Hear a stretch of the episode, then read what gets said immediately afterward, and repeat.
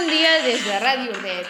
Avui saludem la Mariona i jo, la Júlia, des del nostre estudi, situat a l'Institut Escola Vall de l'Or. Com ja sabeu, aquest projecte fa poc que ha començat. Tot just aquest era el segon programa. En els nostres programes volem parlar de temes varis, coses que ens interessen, curioses... Avui us en volem proposar un tema molt sorprenent i que des del primer moment ens va cridar l'atenció. Això mateix, parlarem de paraules, atenció, que només existeixen en un sol idioma. Segur que us ara us heu quedat una mica confusos. Val més que comencem.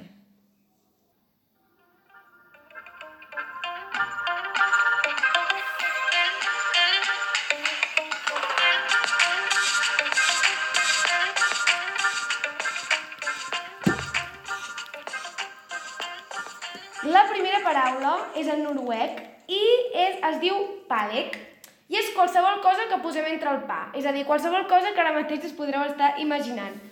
Des de xoriço fins a un tros de pernil dolç, passant per macarrons també, fins i tot. El que vulgueu, tot el que vulgueu és palec, tot el que us poseu al pa.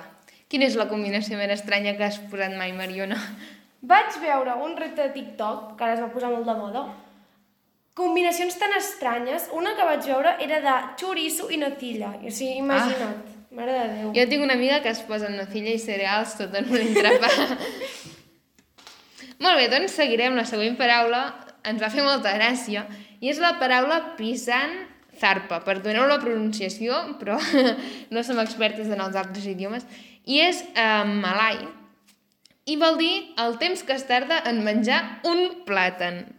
Jo crec que en aquest país deuen menjar molts plàtans, eh? Pot ser perquè és molt curiós que algú se li passi pel cap batejar um, el temps que es tarda en menjar un plàtan. Ho vol... Ells diuen que es tarda uns dos minuts aproximadament i nosaltres ho volíem provar en directe, ho volíem comprovar, però hem tingut pro problemes i hem hagut de canviar el programa de dia i ara mateix no tenim cap plàtan, però us convidem, si voleu, a provar-ho a casa vostra. I si ho voleu podeu penjar al vostre Instagram i etiquetar-nos si, si us animeu. La següent paraula és en suec i es, es diu resfeber, que és l'emoció d'un viatger abans de prendre un camí o un viatge.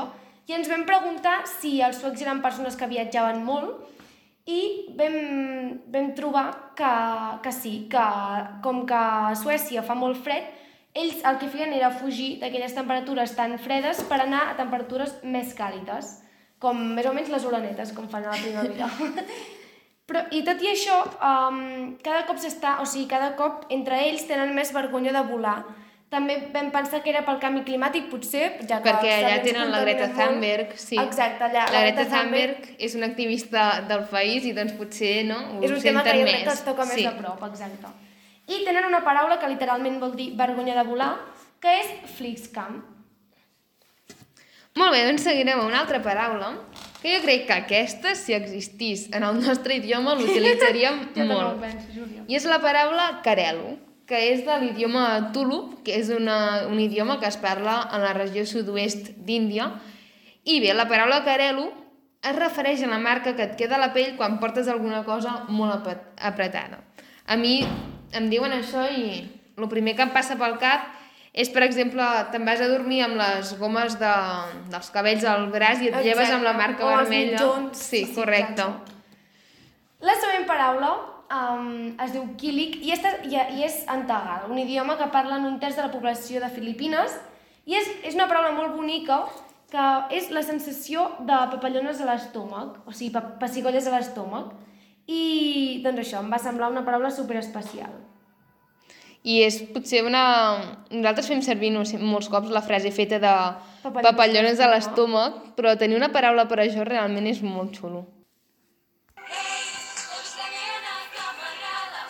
Tot just ara estem escoltant la cançó Papallones, una cançó de Macedònia, un grup que penso que també hem escoltat molt durant la nostra Sí. infància. Ens ha marcat molt i bé, que parla d'aquesta sensació que ara us estàvem comentant, no?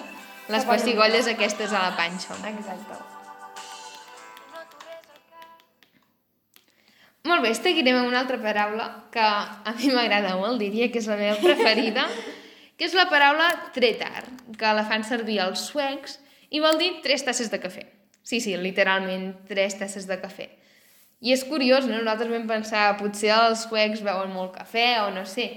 I vam fer recerca d'informació i vam trobar que Per fer com una pausa entre les hores de treball, fan una pausa que es diu fica, en la qual prenen un te o un cafè. I a més, això és el millor, és que no només diuen tre tard, sinó que diuen tard per una tassa de cafè, pa tard per dues tasses de cafè i llavors tre tard per tres tasses de cafè. Una de les altres paraules que vam trobar va ser jayus, que és una paraula en indonesi, i és un acudit tan dolent que sempre acaba rient. I jo penso que això també és molt depèn de la persona que l'explica o com l'explica, perquè sempre hi ha la típica persona que coneixes que tot el que diu fa gràcia i Sí. doncs això. I per molt dolent que sigui l'acudit, sempre acaba rient.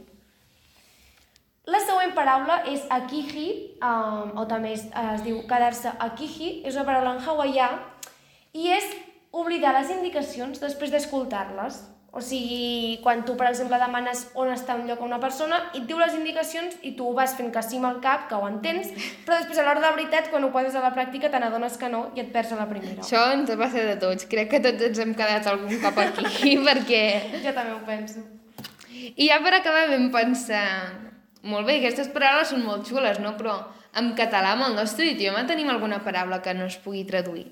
I vam estar buscant informació i vam trobar que la paraula sobretaula, que per nosaltres pot semblar una paraula més del Molt vocabulari, familiar, doncs en altres idiomes no existeix. De fet, ho traduïem al traductor i no hi havia traduccions. Traduïa altres coses que no es referien a, al, al que és per nosaltres sobre taula, no? Per exemple, ens traduïa mantell d'estovalles... o escriptori. Vaig veure algunes que en traduïa Sí. escriptori. Sí, sí. Vull dir que el que nosaltres és típic, no? El sobretaula, sobretaula de Nadal, que t'estàs amb la família tant. fins al vespre, no? En altres idiomes doncs, no ho tenen ni com a tradició ni tampoc com a paraula. És molt curiós perquè a vegades una paraula que tenim tan automatitzada, tan nostra, de vegades ens Correcte. adonem que no, no és així, que hi ha, molt, o sigui, hi ha molts idiomes que no existeix aquesta paraula.